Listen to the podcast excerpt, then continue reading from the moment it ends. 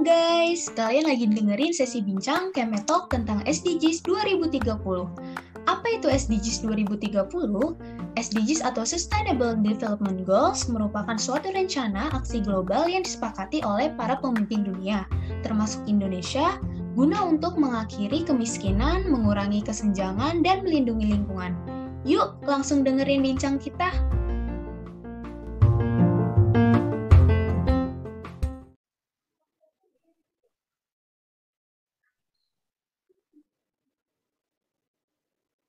Halo para pendengar setia podcast Jam Etal. Welcome back di podcast kami. Gimana nih kabarnya? Semoga semua dalam keadaan sehat dan pastinya selalu bahagia. Di Jam Etal kali ini, kami akan membahas tentang bagaimana kesehatan mental tercermin dari tindakan untuk menghadapinya. Pertama-tama, kenalin dulu. Aku Umam dari Tekin 21 dan tentunya di sini aku tidak sendiri. Aku ditemenin sama teman-temanku nih. Oke, sebelum masuk ke pembahasan kita kali ini, aku mau menyapa teman-temanku dulu nih. Halo guys. Halo, kenalin aku Afina dari Tekim 21. Halo, kenalin aku Catherine dari Tekim 21. Halo, kenalin ya, aku Karin dari Teknik Kimia 21. Hai, kenalin juga aku Rizal dari Tekim 21. Dengar-dengar, sekarang di Indonesia banyak kasus yang menyebabkan terganggunya kesehatan mental ya. Iya, bener banget. Kasusnya marak banget diberitakan di media sosial nih. Hmm, BTW sebelum kita bahas lanjut, kesehatan mental itu apa ya? Aku bantu jawab ya. Jadi kesehatan mental itu adalah kondisi ketika batin kita berada dalam keadaan tentram dan tenang, sehingga memungkinkan untuk menikmati kehidupan sehari-hari dan menghargai orang lain di sekitar kita. Kalau pengertian kesehatan mental seperti itu, berarti ciri-ciri seorang yang memiliki mental yang sehat itu bagaimana ya? Oh, kemarin aku sempat baca artikel sana itu tertulis seseorang yang memiliki mental yang sehat itu biasanya selalu merasa baik tentang diri sendiri. Kalau gitu berarti orang yang sering insecure itu terganggu ya kesehatan mentalnya? Pastinya iya sih, karena orang insecure itu kan selalu merasa dirinya kurang dan tidak pernah akan cukup gitu. Di sini berarti dia tidak akan pernah bisa mencintai dirinya sendiri.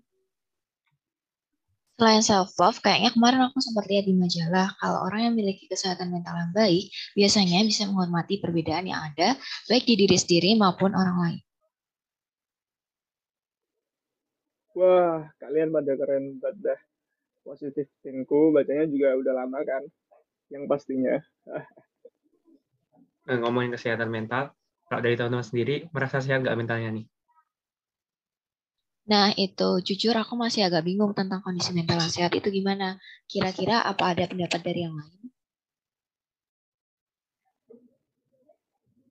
Menurutku kondisi mental yang sehat itu harus didasari dengan jiwa yang kuat. Apalagi nih, sekarang banyak manusia-manusia bucin yang tidak bertanggung jawab dan menyebabkan masalah yang tak terselesaikan. Nah, benar sekali, Humam. Seperti salah satu kasus yang telah terjadi dan mengakibatkan Laura menderita kelumpuhan. Kalau boleh tahu, kasus Laura itu kayak apa sih dampaknya? Eh, Setauku, dampaknya itu tidak hanya pada mental saja, bahkan juga menyerang fisik dan sampai berakhir meninggal dunia. BTW, kalian tahu nggak soal kasus pelecehan yang cukup viral akhir-akhir ini? Hmm, kalau nggak salah, pelecehan yang dialami mahasiswi di Universitas Brawijaya itu ya? Oh iya, aku juga pernah dengar. Setauku kasusnya itu dialami oleh mahasiswi UB dengan inisial NW yang dilecehkan oleh kakak tingkatnya sendiri. Kalau nggak salah inisialnya RAW. Oh iya, dan parahnya lagi dia mengakhiri hidupnya di makam ayahnya dan ditemukan pada tanggal 22 Desember 2021. Nah, dari kasus yang telah terjadi, kita bisa nyimpulin nih, kalau ternyata kesehatan mental itu penting banget buat diri kita sendiri, terutama dalam menjalani kehidupan sehari-hari. Oh iya, pentingnya kesehatan mental itu merupakan topik yang berkaitan dengan salah satu tujuan SDG loh. Kira-kira topik yang kita bahas ini masuk ke SDG nomor berapa ya? SDG nomor tiga itu good health and well-being. Oh iya, selain itu tiap ujian SDG punya implementasi masing-masing loh. Kira-kira kalian pada tahu nggak implementasi dari SDG nomor tiga? Setahuku sih implementasinya itu berani berkomitmen untuk mengakhiri epidemi AIDS, tuberkulosis, malaria, dan penyakit menular lainnya sampai tahun 2030. Nah, selain itu juga masih ada lagi loh implementasinya, yaitu menyediakan akses layanan kesehatan, baik dalam pembelian obat-obatan dan berbagai konsultasi kesehatan aman dan efektif untuk semua kalangan masyarakat. Namun sayang sekali kenyataannya masih banyak kurangan dalam pengimplementasiannya, seperti banyaknya fasilitas kesehatan yang kurang memadai dan tidak terjangkau harganya. Di samping itu, kesehatan mental yang baik akan terbentuk apabila terdapat dorongan dalam diri sendiri. Nah, benar banget. Kalau diri kita sendiri nggak ada kemauan, ya nggak akan mungkin kebentuk, kan? Iya, karena pada dasarnya kan layanan kesehatan pun juga hanya sebagai pendukung untuk mencapai kesehatan mental itu sendiri. Iya, aku setuju banget, Rin.